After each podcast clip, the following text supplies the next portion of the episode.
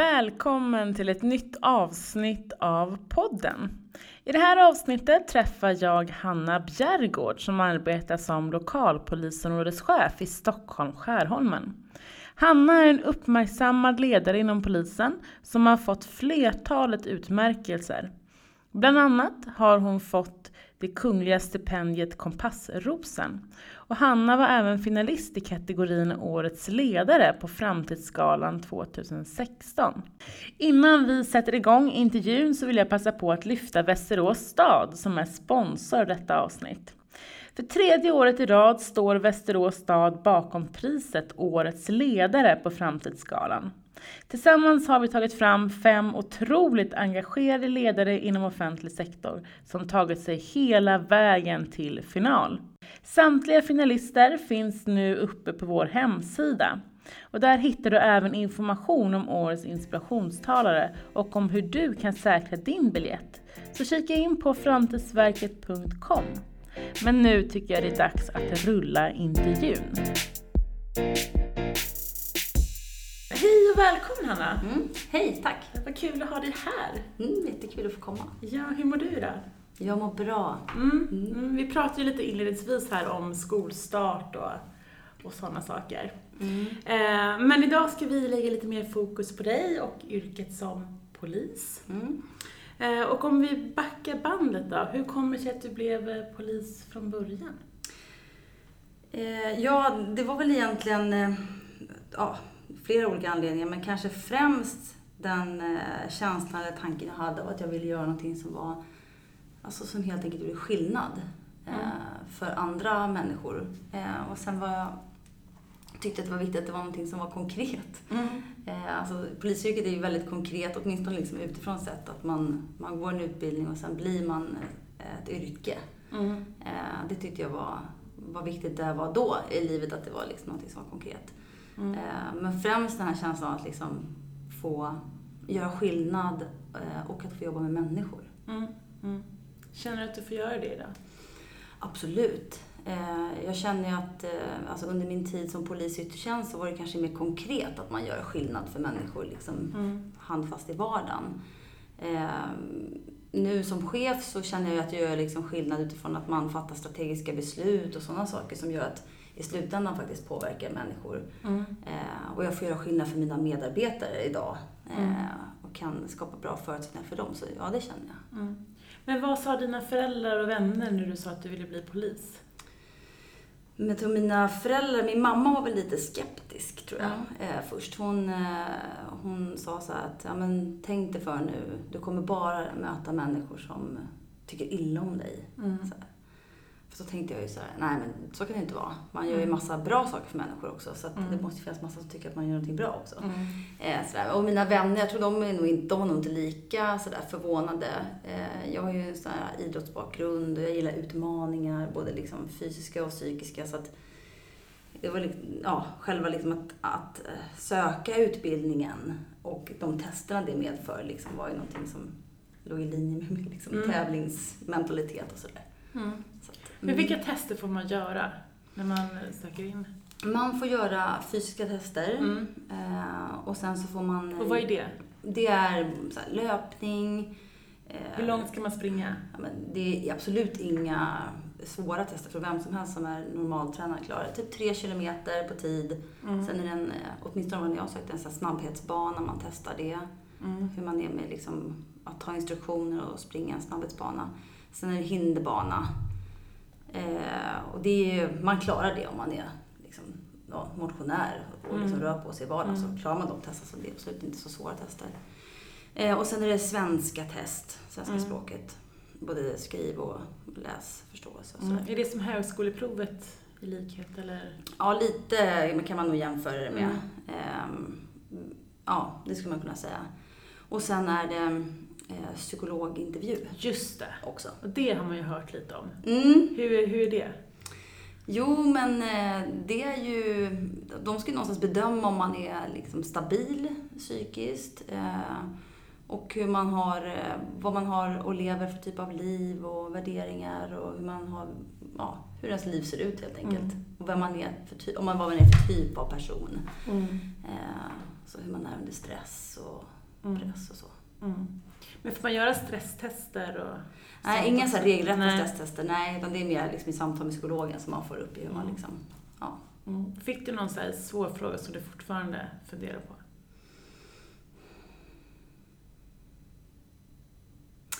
Nej, jag tror inte vad jag kan komma ihåg, så men jag försöker dra mig till minnes. Eh, det jag vet som jag verkligen tänkte på, det gjorde man ju efteråt också, det var att man kände, det är ju en väldigt speciell situation att känna att Mm. man sitter och blir bedömd. Liksom Mm. ett sånt där samtal som handlar om en själv. Men eh, nej, det var väl mer att man kunde jag fick ju mycket frågor om man liksom hade själv hade begått något brott eller om man själv hade liksom idkat någon form av civil olydnad och sådär. Mm. Eh, och jag har väl aldrig begått något brott, men började, man börjar verkligen fundera och rannsaka sig själv. Just det, civil olydnad, har jag gjort någonting som... Ja, det är Mm. klart, jag har ju någon gång har jag ju plankat på tunnelbanan. Mm. Det var ju sådär Men liksom. erkände du sånt då?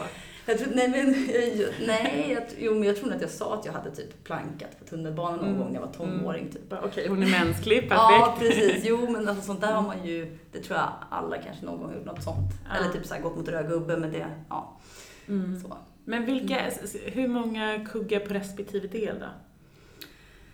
Eh, Jag vet, jag har inte några exakta siffror, men jag tror att det som många eh, kuggar på är nog eh, svenska provet Mhm. faktiskt. Konstigt nog. Mm. Men eh, ja, det är ju en av våra utmaningar inom polisen. Att, eftersom vi vill ju verkligen liksom jobba för mer mångfald så Mm. är det ju liksom att förbereda de som söker för det här svenska provet och liksom få, Mm. Men där är det svårt om man inte har ja, men, goda kunskaper i svenska. Mm. Men kan man få någon gå sån här förberedande kurs? Har ni något sånt? Nej, vi har inte det själva, men vi uppmanar ju de som eh, liksom söker att verkligen liksom, här, Mm. öva sig inför det provet. Mm. Ehm, Men vi håller inte med några kurser. Nej. Tyvärr, det kanske kan vara någonting att jobba. Och hur ser själva utbildningen ut då? Vad får man göra där? Så utbildningen är två år. Den är ju både eh, praktisk och teoretisk. Mm. Eh, Den eh, bygger på att man liksom läser teori och sen så övar man praktiskt. Eh, Och eh, under de första, man går då i skolan under fyra terminer och sen så gör man en femte termin som vi kallar det. Då gör man liksom bara praktik Mm. ute i liksom, Mm. eh, ja, som polisaspirant är man ju då. Då är man ute och jobbar under sin Mm. sista termin. Mm. Mm. Hur var det då? Jo, men det var jätteroligt. Det var ju det man såg fram emot när man började Mm. polishögskolan. Att man gjorde de där fyra terminerna och sen skulle man få gå ut och liksom, Men vad var det man såg fram emot då? Att få liksom omsätta det man hade läst, Ja. att få se hur det var i verkligheten. Att få möta, liksom, när man övar på, på, på skolan så är det ju liksom, då är det mot andra elever som agerar Mm. figuranter och så här. Men man vill ju ut och liksom, möta riktiga Mm. människor. Och, alltså, Men var man, är man sugen på det första larmet? ja, men Ja. typ så. Mm. Eh, och när jag gick skolan så var jag, jag, jag såg ju bara så långt att jag tänkte att, så här, att ja, man blir polis och så jobbar man i yttre tjänst. Sen när man, när man var färdig polis och jobbade insåg man att det finns ju hundra jobb inom polisen som är ganska olika. Det finns ju hur mycket som helst. Mm. Man kan bli allt från liksom, tekniker till hundförare till utredare till, till liksom, i, jobba med IT. Och, alltså, det är ju väldigt brett. Mm. Liksom. Eh, men man, just när man gick i skolan så såg jag väldigt mycket fram emot att bara få ut och jobba. Mm. Men hur var ditt första larm då? Säger man larm som... Eller vad? Ja, nej men jo, men jag, jobb. Eller vad man säger. Ja, nej men mitt, jag vet mitt allra, allra första jobb, det var ju väldigt odramatiskt. Det var ju att jag fick omhänderta någon som var alldeles för berusad för sitt eget Mhm. bästa. Så, Mm. så det var väldigt, men det var väl en ganska bra start. Så Mm. lugnt och... Men jag minns fortfarande första gången som jag eh, eh, körde blåljus och siren. Det minns jag, Mm. då var jag fortfarande aspirant också. Eh, när man gången man skulle liksom trycka på knappen och man fick köra med ljud och ljusanläggningen och sådär. Det var, jag åkte på något eh, bråk på Odenplan. Mm. Eh, sådär, så jag Men då åker ni runt i er bil, ni får ett larm och så säger ni så här, det här tar vi. Ja, Ja. precis. Och sen så liksom... Så Trycker ni på knappen Ja, och så åker dit. kör man dit. Ja, och jag kommer ihåg, då är man man har ju en handledare eh, sin, när man är aspirant. Mm.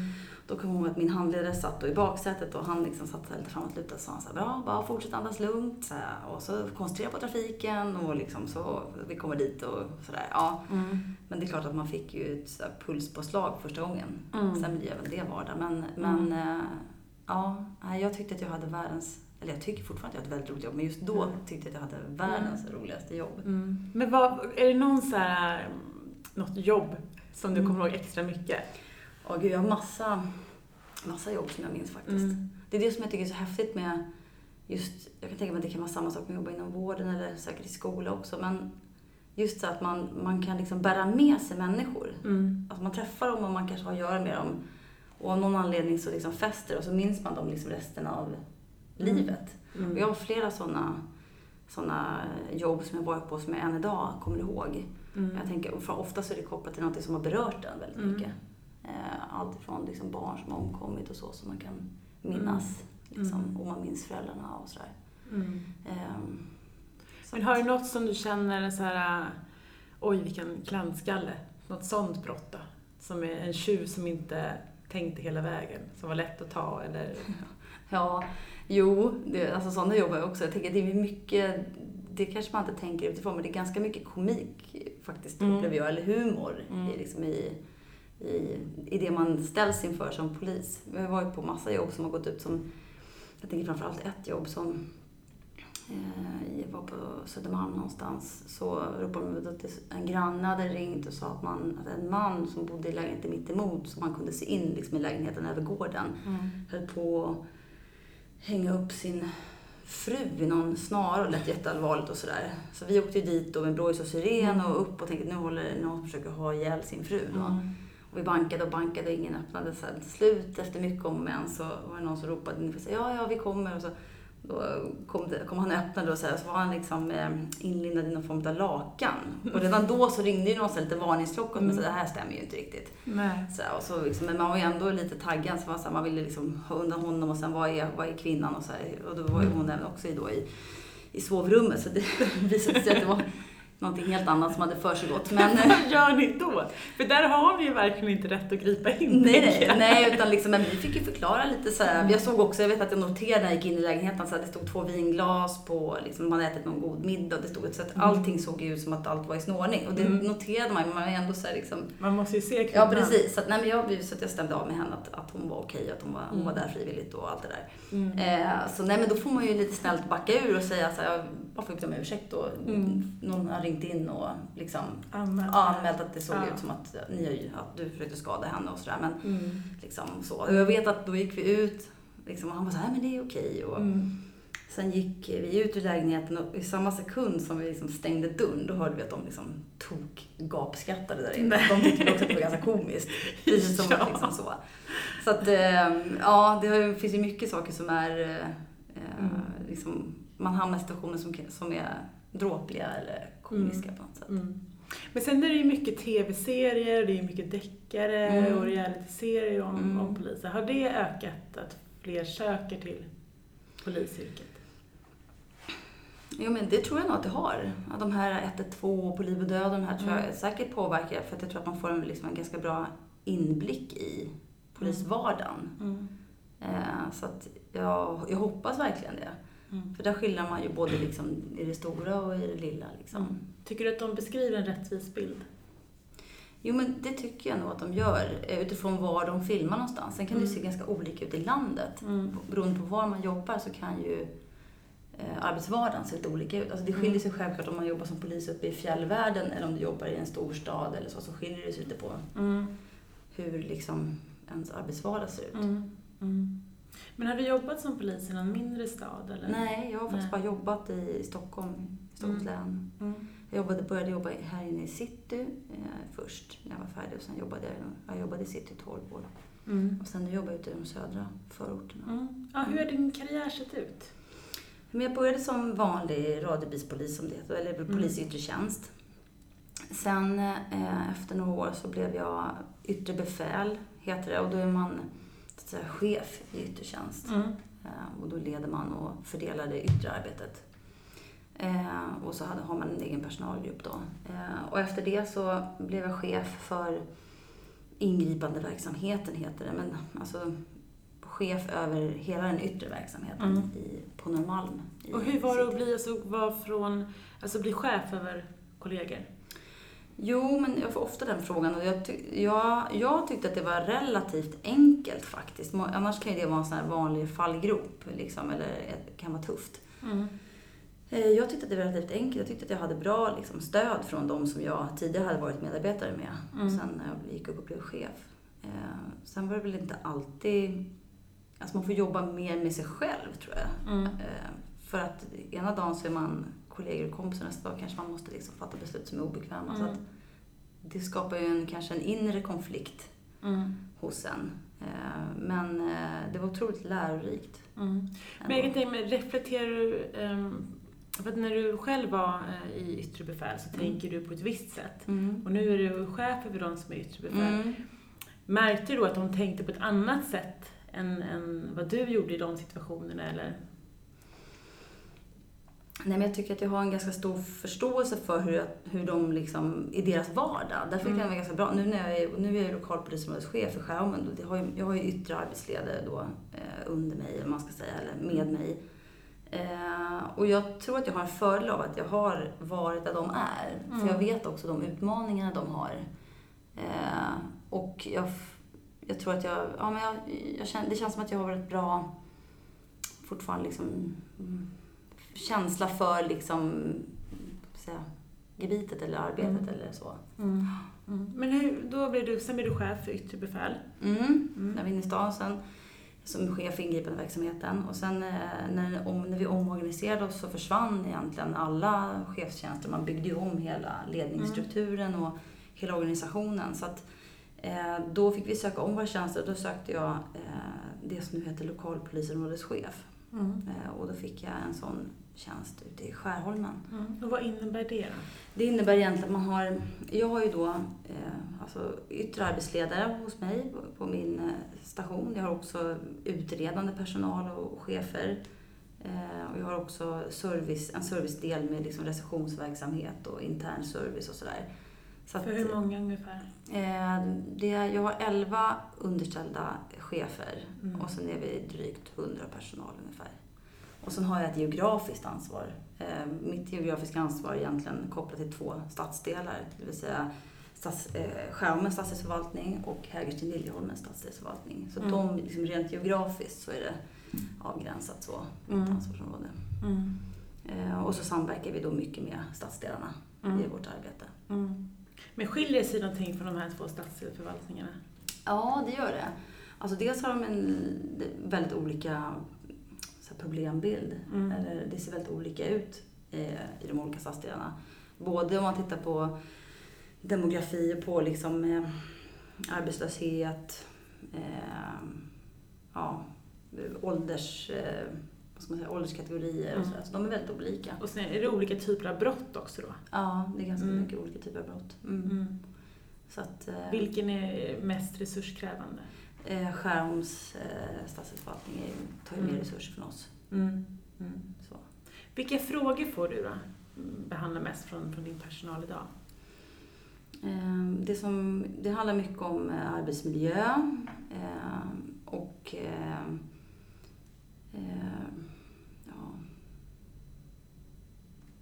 vad ska jag tänka, vilka frågor? Det är så många frågor. Mm. men, men när det gäller just personalen, mina chefer, så handlar det mycket om att här, planering, uppföljning, arbetsmiljöfrågor, Eh, allt från arbetstidsförläggning, eh, sådana saker. Mm. Eh, det, det är väldigt brett. Det kan ju vara jag brukar säga det, så jag, känner mig, jag känner mig som allt på skalan. Jag allt, kan vara allt från vaktmästare ena dagen mm. till liksom strategisk chef andra dagen. Man får mm. väldigt, liksom, det är väldigt brett upptaget. Mm. Men känns det som att du fortfarande är polis? Jo, men det gör det. Även om jag vissa dagar kan jag fundera, alltså, så känner jag så här, idag har jag bara hållit på med förvaltningsärenden. Mm. Men Eh, till exempel eh, så när det händer lite större saker eh, så går vi, vi chefer då ofta in i, i stabsfunktioner och då jobbar vi ju väldigt operativt. Eh, till exempel nu för förra veckan så hade vi ju fem skjutningar inom loppet av sju mm. timmar i vårt, i vårt mm. polisområde. Mm. Eh, och då går vi in, in, i stab och då är vi chefer som oftast fyller stabsfunktioner. Och då, mm. då jobbar man ju väldigt operativt med mm. att liksom resurssätta, lägga in inriktningar. Mm. Men är det som det är på Deckare då, med att man sätter upp personer på väggen och ritar ja. streck och allt mm. det? Ja, men ja. så är det faktiskt. Mm. Och så har vi även i vardagen i vårat, eh, bara i Skärholmen på vårt lokalpolisområde, där har vi ett som vi kallar för taktiskt rum eller operativt rum. Och där mm. sitter massa både underrättelseinformation och det sitter eh, ja, charts och, och bilar Mm. och sådär. Så så är det. Mm. Eh, och, och när man går ihop in i stabsarbete, man jobbar med en specifik händelse, då är det verkligen, då samlas ju alla kompetenser och man lägger en eh, man beskriver lägesbilden och man fattar beslut om inriktningar och åtgärder och, Mm. och sådär. Och då, Och så har ni morgonmöte varje morgon ja, när ni går igenom och, och Yes. drar streck och... ja, Mm. lägger nya inriktningar, följer Mm. upp hur har det gått hittills, Mm. vad behöver vi göra mer och så. här. Jo, Men men är, så är är, du den här som kommer in och säger att de måste snabba på utredningen? Nej, Det finns ju alltid en i Ja, de här precis. tecknen. ja nej. Alltså man, är mer, man jobbar ju mer som ett liksom team där alla Mm. liksom kompetenser bidrar och man tillsammans försöker dra det framåt. Eh, Mm. Så att det är mer ett lagarbete än att det är liksom eh, en som skriker på andra. Mm. Det, det är nog min uppfattning. Mm. Men är det olika vet ni, eh, roller i de här teamen också? Att de är olika kompetenser, att man är duktig på olika saker? Mm. Ett stabsarbete så är det ju definitivt det. Då har man ju en stabschef och sen har man flera olika funktioner som har, som har liksom, oavsett vilken person det är som besätter den funktionen så har man en specifik uppgift. Det kan vara allt från att någon från underrättelse, någon från planeringsfunktioner, eh, en som är operativt ansvarig, en som är ansvarig för utredningen. Och så, så, så samlas man ju och liksom går igenom helheten tillsammans utifrån Mm. att man har olika kompetenser. Mm. Så så är det och så ser våra morgonmöten ut på, i skärmen också, att vi har olika, de funktionerna som jag nämnde nu, de är representerade varje morgon. Så går Mm. man liksom laget runt och Mm. eh, så att alla har en rättvisande helhetsbild Mm. över liksom verksamheten och vad vi behöver prioritera och så. Mm. Men vilka är det som, är det många som vill hamna i, i, i den positionen och få vara med med de sådana utredningar? Vad kallar ni det rummet för? Men så operativt rum, Ja. taktiskt rum. I Ja. taktiska team? Ja, alla får vara med. Alltså, vi har sagt, i där jag jobbar har jag sagt att alla som vill får vara med på våra morgonmöten. Mm. Oavsett liksom vem du är i organisationen, alla är välkomna. Mm. Sen så har ju, har ju dagordningen är ju att vissa funktioner ska dra sin, sin, sin, sin lägesbild. Och då sitter ju chefen för utredningar där och då berättar hon, hon eller han om att eh, så här ser vårt läge ut idag, vi håller på med de här utredningarna, det här är liksom det vi prioriterar. Och behöver de hjälp från yt, de yttre poliserna med någonting, en, det kan ju vara allt från att hämta in någon till förhör till att göra en husrannsakan eller något sånt där. Då dealas det liksom och bestäms över bordet där vid det mötet. Det är därför vi har de mötena egentligen. Och sen så går även underrättelsesidan går in och berättar om de senaste underrättelserna och om det är någonting som sticker ut. Eh, bland det, planeringsfunktionerna kliver in och ser hur, hur ser liksom resursen ut över veckan. Vad har vi för resurs? Vad kan vi göra med den? Och, så. Mm. Så att, och där får alla vara med. Alla får vara med Mm. som mm, liksom, åhörare vid de mötena. Mm. Eh, Även om man inte har liksom en, en punkt på dagordningen så får alla vara med och lyssna. Mm. Mm. Så att, eh, ja. Mm. Det låter ju verkligen som, som det är på film. ja. Men blir, blir man, alltså blir ni, blir ni rädda någon gång? I, blir du rädd i ditt jobb?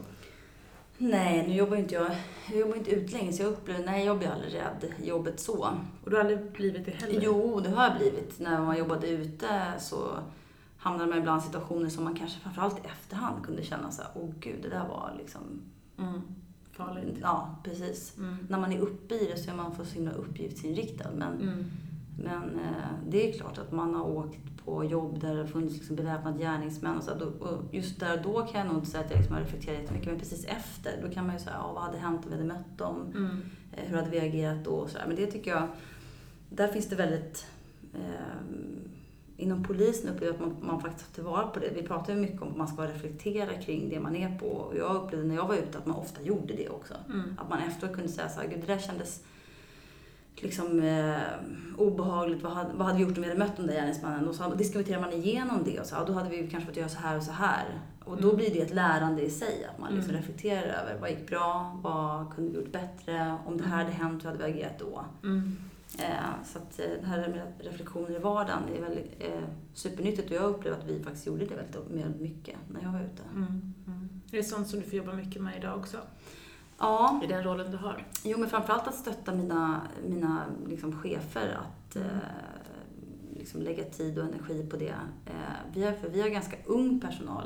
Mm. Alltså de som jobbar ute i yttre tjänst är relativt unga. Och både Och du är också ung. ja, hur gammal är snar, du? jag fyller 40 om ett halvår. Mm. Så jag vet inte om jag är jätteung, men... Eh, Det är men att jag själv är, ja, är unga fortfarande. ja, precis. Eh, nej, men eh, alltså de... Hur, när blev du chef då? Hur gammal var du då? Eh, 33? Eh, nu ska vi se. Jag var nog... Eh, 2006 började jag svara som ytterbefäl. Hur gammal var jag då? 28 när jag började vara direktchef. Mm. Eh, och sen när jag blev eh, chef för ingripandeverksamheten så var jag, det var 2011, då hade jag precis kommit tillbaka från föräldraledighet. Så då, 2011, hur gammal var jag då? 33? Mm. Stämmer. Har någon sån här från framtidsskalan? Ja, sån här- precis. Ja, just det. Ja. Men hur, hur var det att bli eh, chef när man var ung? Och fortfarande... Du måste ju ändå vara relativt ung för Ja. den positionen du har. Ja, jo men det, det är väl kanske, ja. Jag vet inte, jag, jag, jag har aldrig egentligen tänkt på det. Nej. Att jag eh, har varit ung. För jag visste jag har varit ung i många sammanhang.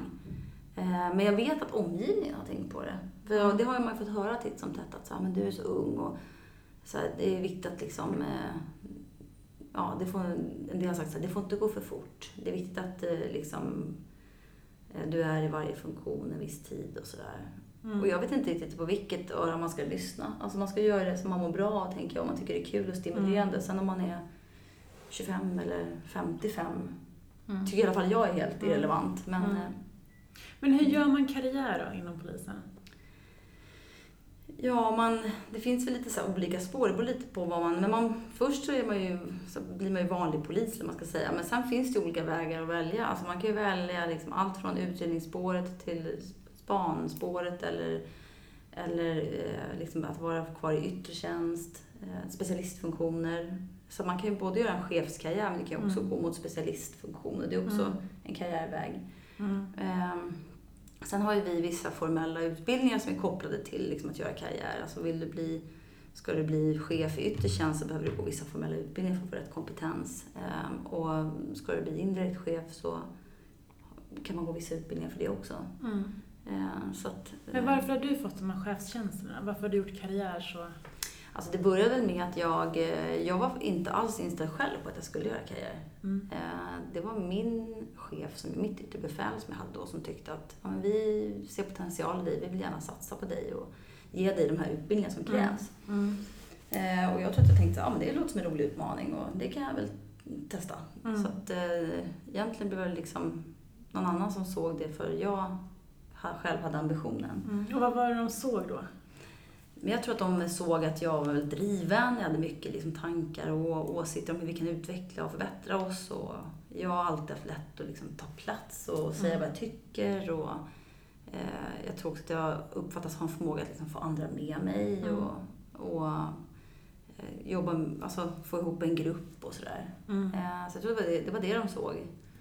Eh, och sen på den vägen ner och sen när jag väl liksom hade blivit yttre befäl så Sen så fick jag då frågan om jag ville liksom gå upp och bli chef för ingripandeverksamheten. Och då kändes det också som ett så här, ja, kan vi göra? Mm. Testa. Och Mm. så så jag har ju alltid fått frågan. Det var egentligen inte förrän vid omorganisationen som jag faktiskt behövde söka mig Nej. till en formell chefstjänst. Blev du nervös då? När du skulle söka? Ja, Eller nej. tänkte du bara, det här kommer jag få? Nej, jag tänkte så här, jag vet inte. Jag tänkte nog mer så här, jag söker och får jag, det, får jag det så tycker de väl att jag förmodligen kan göra en skillnad. Och Mm. får jag inte någon chefstjänst, då kommer det säkert bli bra ändå. Mm. Då kommer jag hitta på någonting annat som Mm. jag, alltså, själva funktionen eller karriären i sig har faktiskt aldrig varit eh, min drivkraft. Utan, utan jag har alltid känt att jag vill göra någonting som känns inspirerande och roligt och viktigt. Mm. Och då, då vet jag med mig själv att då brukar jag funka rätt bra. När jag tycker att någonting är kul och, Mm. eh, och jag känner mig inspirerad till att göra, göra det jobbet, då blir det bra. Mm. Liksom. Jag kan Mm. inte tänka mig att vara på ett jobb som jag inte skulle tycka kändes roligt. Mm. För då tror inte jag att jag skulle göra ett bra jobb. Mm. Men du har ju fått en del utmärkelser. Mm, Kompassrosen, mm, eh, och sen var du nominerad till Framtidsgalan Mm. som vi anordnar. mm. Eh, är det något mer som du... Eh, sen har jag varit med på den här kvin- framtidens kvinnliga ledare, det, den här rankinglistan Ja. som görs. Men jag vet inte om det... ja. Mm. ja. Men vad, vad, vad, vad tror du själv gör att du är en lyckosam ledare? Vad är ditt recept? Eh, nej men jag tror att jag är rätt bra på, på att eh, dels se liksom vad som behöver göras och att skapa målbilder utifrån det. Mm. Att ge inriktningar. Mm. Eh, men sen tror jag att jag är bra på att, eh, att få människor att vilja jobba i den riktningen. Eh, det är lite, låter lite flummigt kanske, men eh, jag är rätt lyhörd som chef. Och även om, vi, om vi, jag vet att vi liksom, där borta är målet så är jag väldigt liksom öppen för att här, jobba som ett lag för att komma dit. Mm. Jag är helt enkelt en lagspelare. Mm. Eh, och jag tror att det eh, Hur märks det då? Hur får man alla i eh, det här laget eller teamet att bli engagerade? Och... Nej, men jag tror att det märks på det sättet att jag alltid i alla, i princip alla frågor, alltid efterfrågar vad de tycker. Mm. Och inte bara i grupp utan även enskilt. Mm. Att jag låter dem vara med i princip på alla beslut Mm. och tycka till. Mm. Ehm, och eh, jag är väldigt noga med det, att liksom inte sitta inne på mitt kontor och fatta massa beslut. Utan jag är mån om att alla ska vara med och få tycka till och att vi diskuterar saker i ledningsgruppen. Mm.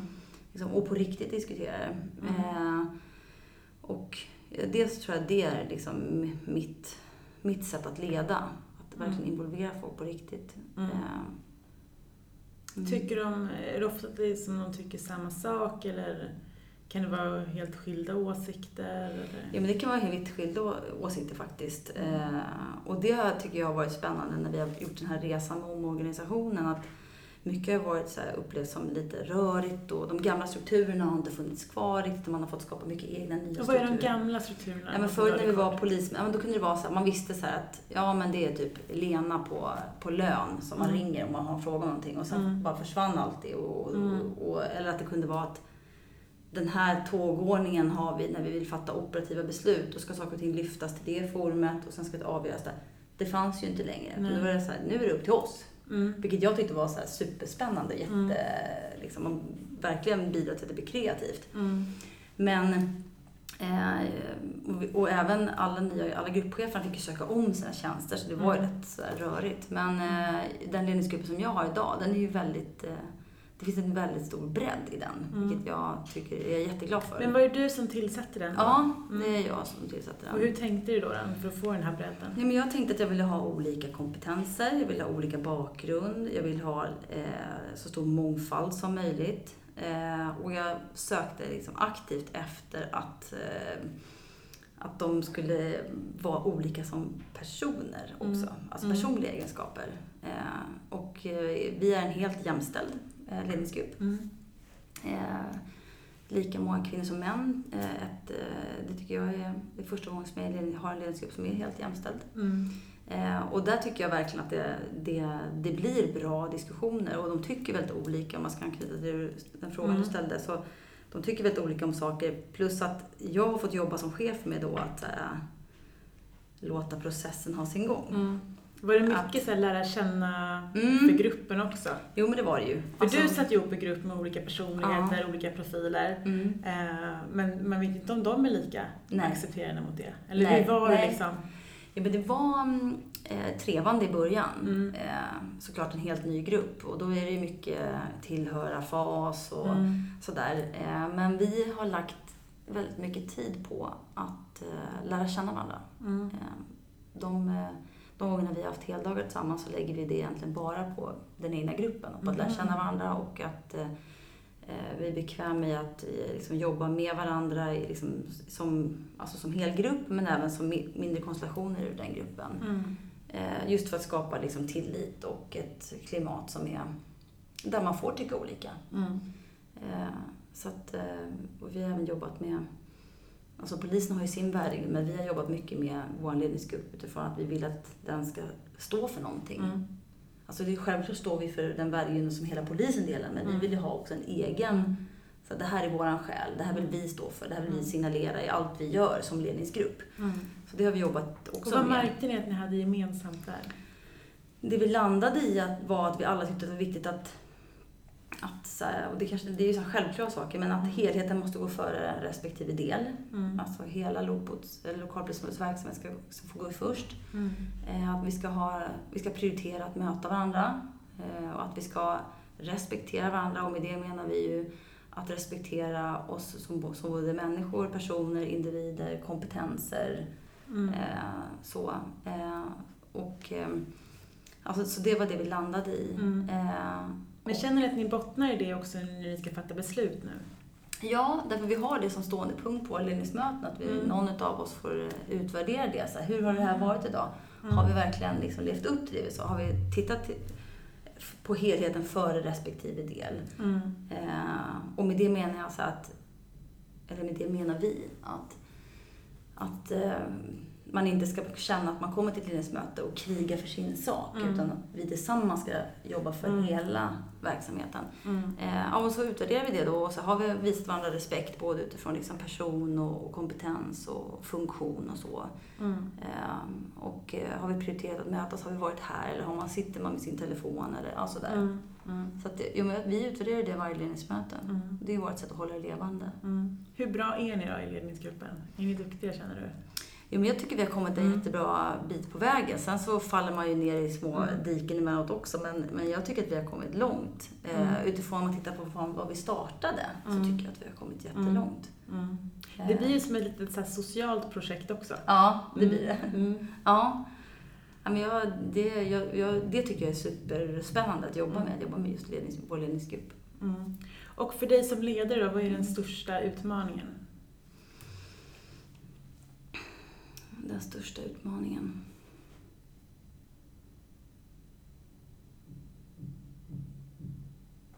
Ja, det finns massor. Men jag tänker att utifrån det jag står just nu så handlar det mycket om att eh, fortsätta jobba med ledningsgruppen. Eh, för att, om man tänker på kulturfrågor så tänker jag att det måste börja uppifrån. Mm. Eh, Och när det gäller vår verksamhet så tänker jag att den största utmaningen vi har nu det är att få våra medarbetare att, eh, att eh, ska man säga, komma med all den kompetens och kunskap och, och kreativitet de har och Mm. liksom börja att, att, att vårt arbete ska få bli medarbetardrivet på riktigt. Mm. Eh, för utmaningen har ju varit, i den gamla organisationen så var det väldigt styrt uppifrån och ner. Mm. Nu vill vi att de som är närmast verksamheten ska vara med och bidra till hur vi, vi arbetar. Och det har varit en kulturförändring. Mm. Även om, och, och det är en styrningsfilosofiändring, men det är också en kulturändring. Mm.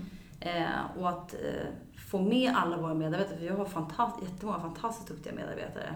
Att få dem att här, förstå att de har mandat i frågor Mm. och att få dem att vilja ta det mandatet och faktiskt börja driva arbetet även om man bara är liksom, medarbetare. Att har man jättegoda bra, och bra tankar och idéer hur man kan driva verksamhet så är det liksom fritt fram att ta fram dem och att vi kan, vi kan testa dem. Så det är också en stor utmaning att få igång det och att det blir på riktigt, att det inte bara blir något så här fint ord, att så här, vi jobbar medarbetardrivet. Mm. Det måste ju liksom någonstans vara på riktigt också. Mm. Men åldern då? Är, din, är, det, är det en ung ledningsgrupp eller är det... Mm.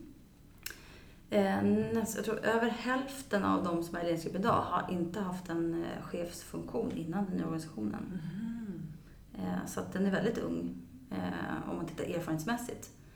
Eh, så att, eh, men det var också min, eh, det är lite min filosofi. Jag, jag tittar ju hellre på liksom potential hos individer än eller en, ska jag inte säga det. Jag väljer inte bort folk som har fantastisk kompetens heller. Men, Mm. men jag tycker att det är viktigt att man också tittar på de som kanske inte har erfarenhet. Så att jag ty- tycker att potential att leda, eh, det tycker jag att jag är rätt bra på att hitta.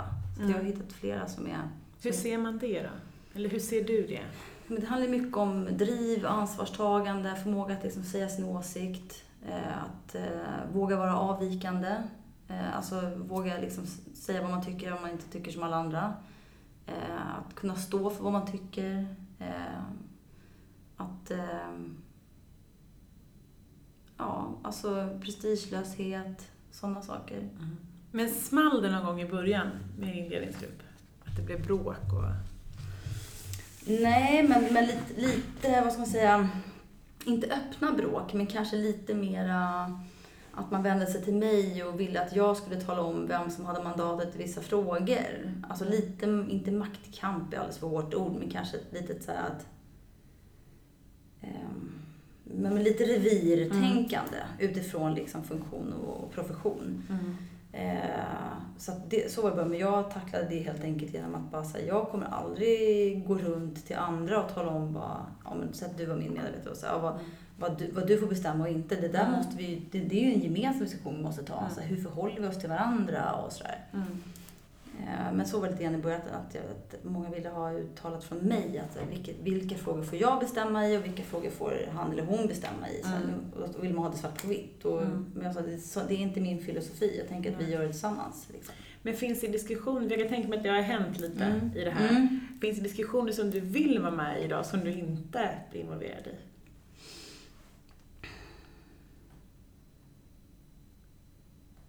Nej, jag tror inte det. Alltså, det som, är lite, det som jag tycker är härligt är att jag märker att det händer massa saker även när jag inte är på plats eller mellan möten och så. Det tycker jag, alltså jag uppmuntrar det. Mm. Eh, Jag tycker att det är härligt att de kan komma till mig och säga ja du var inte här men vi beslutade det här och så. Då tycker jag att det, det tyder på att man är tillräckligt trygg för att Mm. liksom handla i, i chefens anda eller Mm. Alltså de vet ju vad jag, vad jag vill någonstans liksom Mm. och vad, vad må, vår vision och målet är för vår verksamhet. Eh, och fram, fram dit så har ju de verkligen fått det spelutrymmet av mig och att de då fattar beslut eller, eller liksom beslutar saker när jag inte är där, det tycker jag bara är ett bevis på att de är så liksom trygga i sin roll och funktion, Mm. att de, de känner sig bekväma med det. Så det tycker jag är positivt. Och om man tittar på dig då, vad vill du framöver? Hur ser din, har du någon utstakad dröm? Nej, men jag, jag vet ju att mitt jobb som jag har nu, jag har med, inom polisen så har vi så här kallas för chefsförordnanden. Så att det Mm. går ut om ja, ett och ett halvt år. Mhm. Eh, så går mina år, då har mina år löpt ut. Mhm. Då får inte Eh. du sitta kvar? Eh, nej, man kan säkert få förlängning men Mm. eh, jag tror att det kan vara bra för en verksamhet att byta chef då och då. Mm. Eh, alltså även om jag skulle stanna, vilja stanna kvar så är jag inte säker på att det kanske är bäst för, för Skärholmen. Mm. För jag tänker att på fyra år kanske mina idéer har liksom Mm. sinat. Och då är det Mm. kanske bra, tänk vad, då kan någon ny komma in och titta på det med nya ögon och kanske Mm. ta det från det det är då till någonting ännu bättre. Så att, eh, ja, jag får se. Men Söker man nya tjänster Ja. då, eller blir man tilldelad? man söker. Man och vad händer söka. om du inte söker då? Nej, då får, då får min chef se till att sätta mig någonstans där, jag, där hon eller han tycker att jag behövs. Liksom. Mm. Så att det kan ju vara att man blir utan ett chefsjobb. Eh, Mm. Absolut. Men jag vet inte, jag känner mig inte speciellt eh, orolig för det. För det som känns viktigt för mig framöver, nästa steg, det behöver absolut inte vara uppåt eller till någon högre chefstjänst. Det är, som- som jag sa förut så är det viktigt för mig att det är någonting som känns liksom, stimulerande, roligt. Liksom. Mm. När man läser liksom, annonsen så vill man bara känna så här, men gud, Mm. det här, det här vad måste är, jag göra. det då? Jag vet inte, jag tror att det Nej. kan vara vad som helst. Mm. Eh, alltså, jag tror att... Eh, Vad är ditt nästa steg rent hierarkiskt då? Rent hierarkiskt, då är, man- då är det, min chef är ju polisområdeschef. Och den är ju Mm. chef i hela södra Stockholm. Mhm. Alltså allt från liksom, eh, Gullmarsplan, Liljeholmen till liksom, Nynäshamn, Södertälje. Mm. Där är hon ju chef. Och hur många har den under sig då? Eh, vi är 1800 i polisområdet. Ja, men jag tänker som har din position. Jaha, som var min position. Då är det väl, hur många är vi i ledningsgruppen? Vi är åtta lokalpolisområdeschefer och vi är väl en, vi är väl 14 stycken tror jag. Okej. Och när går hennes tid ut då? Ungefär samtidigt. Ja, så då går alla ut samtidigt? Ja, ungefär. Eftersom att vi, vi blir en ny organisation. Så att, sen hoppas jag ju då att några av dem som, eh, där förordnanden går ut, kanske liksom inte byter jobb med varandra, men några kanske bara byter, att man har varit lokalpolisområdeschef på ställe så blir man lokalpolisområdeschef på ett annat ställe och så är man Mm. fyra. För det vore ju synd att byta ut hela liksom, Stockholms läns ledningsgrupper Mm. samtidigt. Men vill alla åt hennes position då? Din chefsposition? Egentligen? Nej, det tror jag inte. Nej. Jag är inte säker på det. Nej. Jag vet i alla fall, jag är inte, så, det verkar jätteroligt och jättespännande men det är inte dit som jag så här, siktar. Jag har, men jag har ju aldrig å andra sidan haft en karriärplan. Jag har ju aldrig tänkt så här, det där, dit ska jag. Nej. Utan jag har ju liksom eh, gått på tillfälligheter och intresse och Mm. ja, Mm. kanske inte en utpräglad karriärist på det sättet men, men som sagt, det är viktigt att det känns riktigt eh, roligt och spännande. Mm. Det måste hända någonting i en liksom, när man ser beskrivningen, jobbeskrivningen. Mm. Så det kan nog bli vad som helst. Men om, om någon sitter och lyssnar och känner såhär, men gud, jag kanske vill bli polis. Mm. Kan man vara för gammal för att söka in på polishögskolan? Nej. Nej. Vilka Alltså, jag skulle inte rekommendera att man är 63. Men, Nej. liksom, Mm. men nej, man kan inte vara för gammal. Nej. Vad är det bra att ha med sig för erfarenheter? Jag tror att, alltså egentligen erfarenheter, eh, jag tror man ska ha ett intresse för människor. Mm. Det tror jag är viktigt. Eh, och jag tror också att man måste ha, eh, ett, någon form av eh, liksom, känsla, ett rättspatos eller en, en, en känsla för att eh, vilja jobba med våra samhällsproblem. Mm. Eh, för det är väl det vi gör i någon form, eh, alla som jobbar inom polisen på ett eller annat sätt. Mm. Eh, men jag tror man kommer väldigt långt på, på ett intresse för människor. Mm. Mm. Mm. Är det de som gör karriär också? Som... Ja, det, ja det, det tror jag nog. Mm. Och när söker man in till Polishögskolan? Eh, Det är ju, nu genomförs ju tester två gånger om året va. Så jag Mm. tror att det, är- om jag inte är helt, eh, så tror jag att man söker i december till den omgång som börjar i augusti. Jag tror att det är sådär, typ ett halvår Mm. innan. Och det är ju vanlig termin i januari och augusti Mm. som är där den börjar. Mm. Det finns på flera platser i Sverige. Det finns i Växjö, Umeå eh, och i Stockholm. Mm. Mm.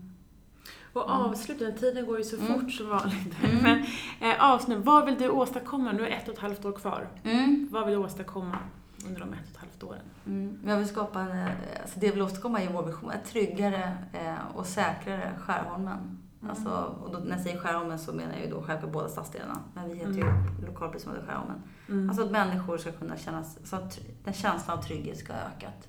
Mm. Och att vi har medarbetare som trivs med att jobba Mm. på, vår, på vår station eller på vår arbetsplats. Men tack för att du kom hit. Mm. Det var jättekul. Mm. Tack för att du fick komma. Tack. Thank you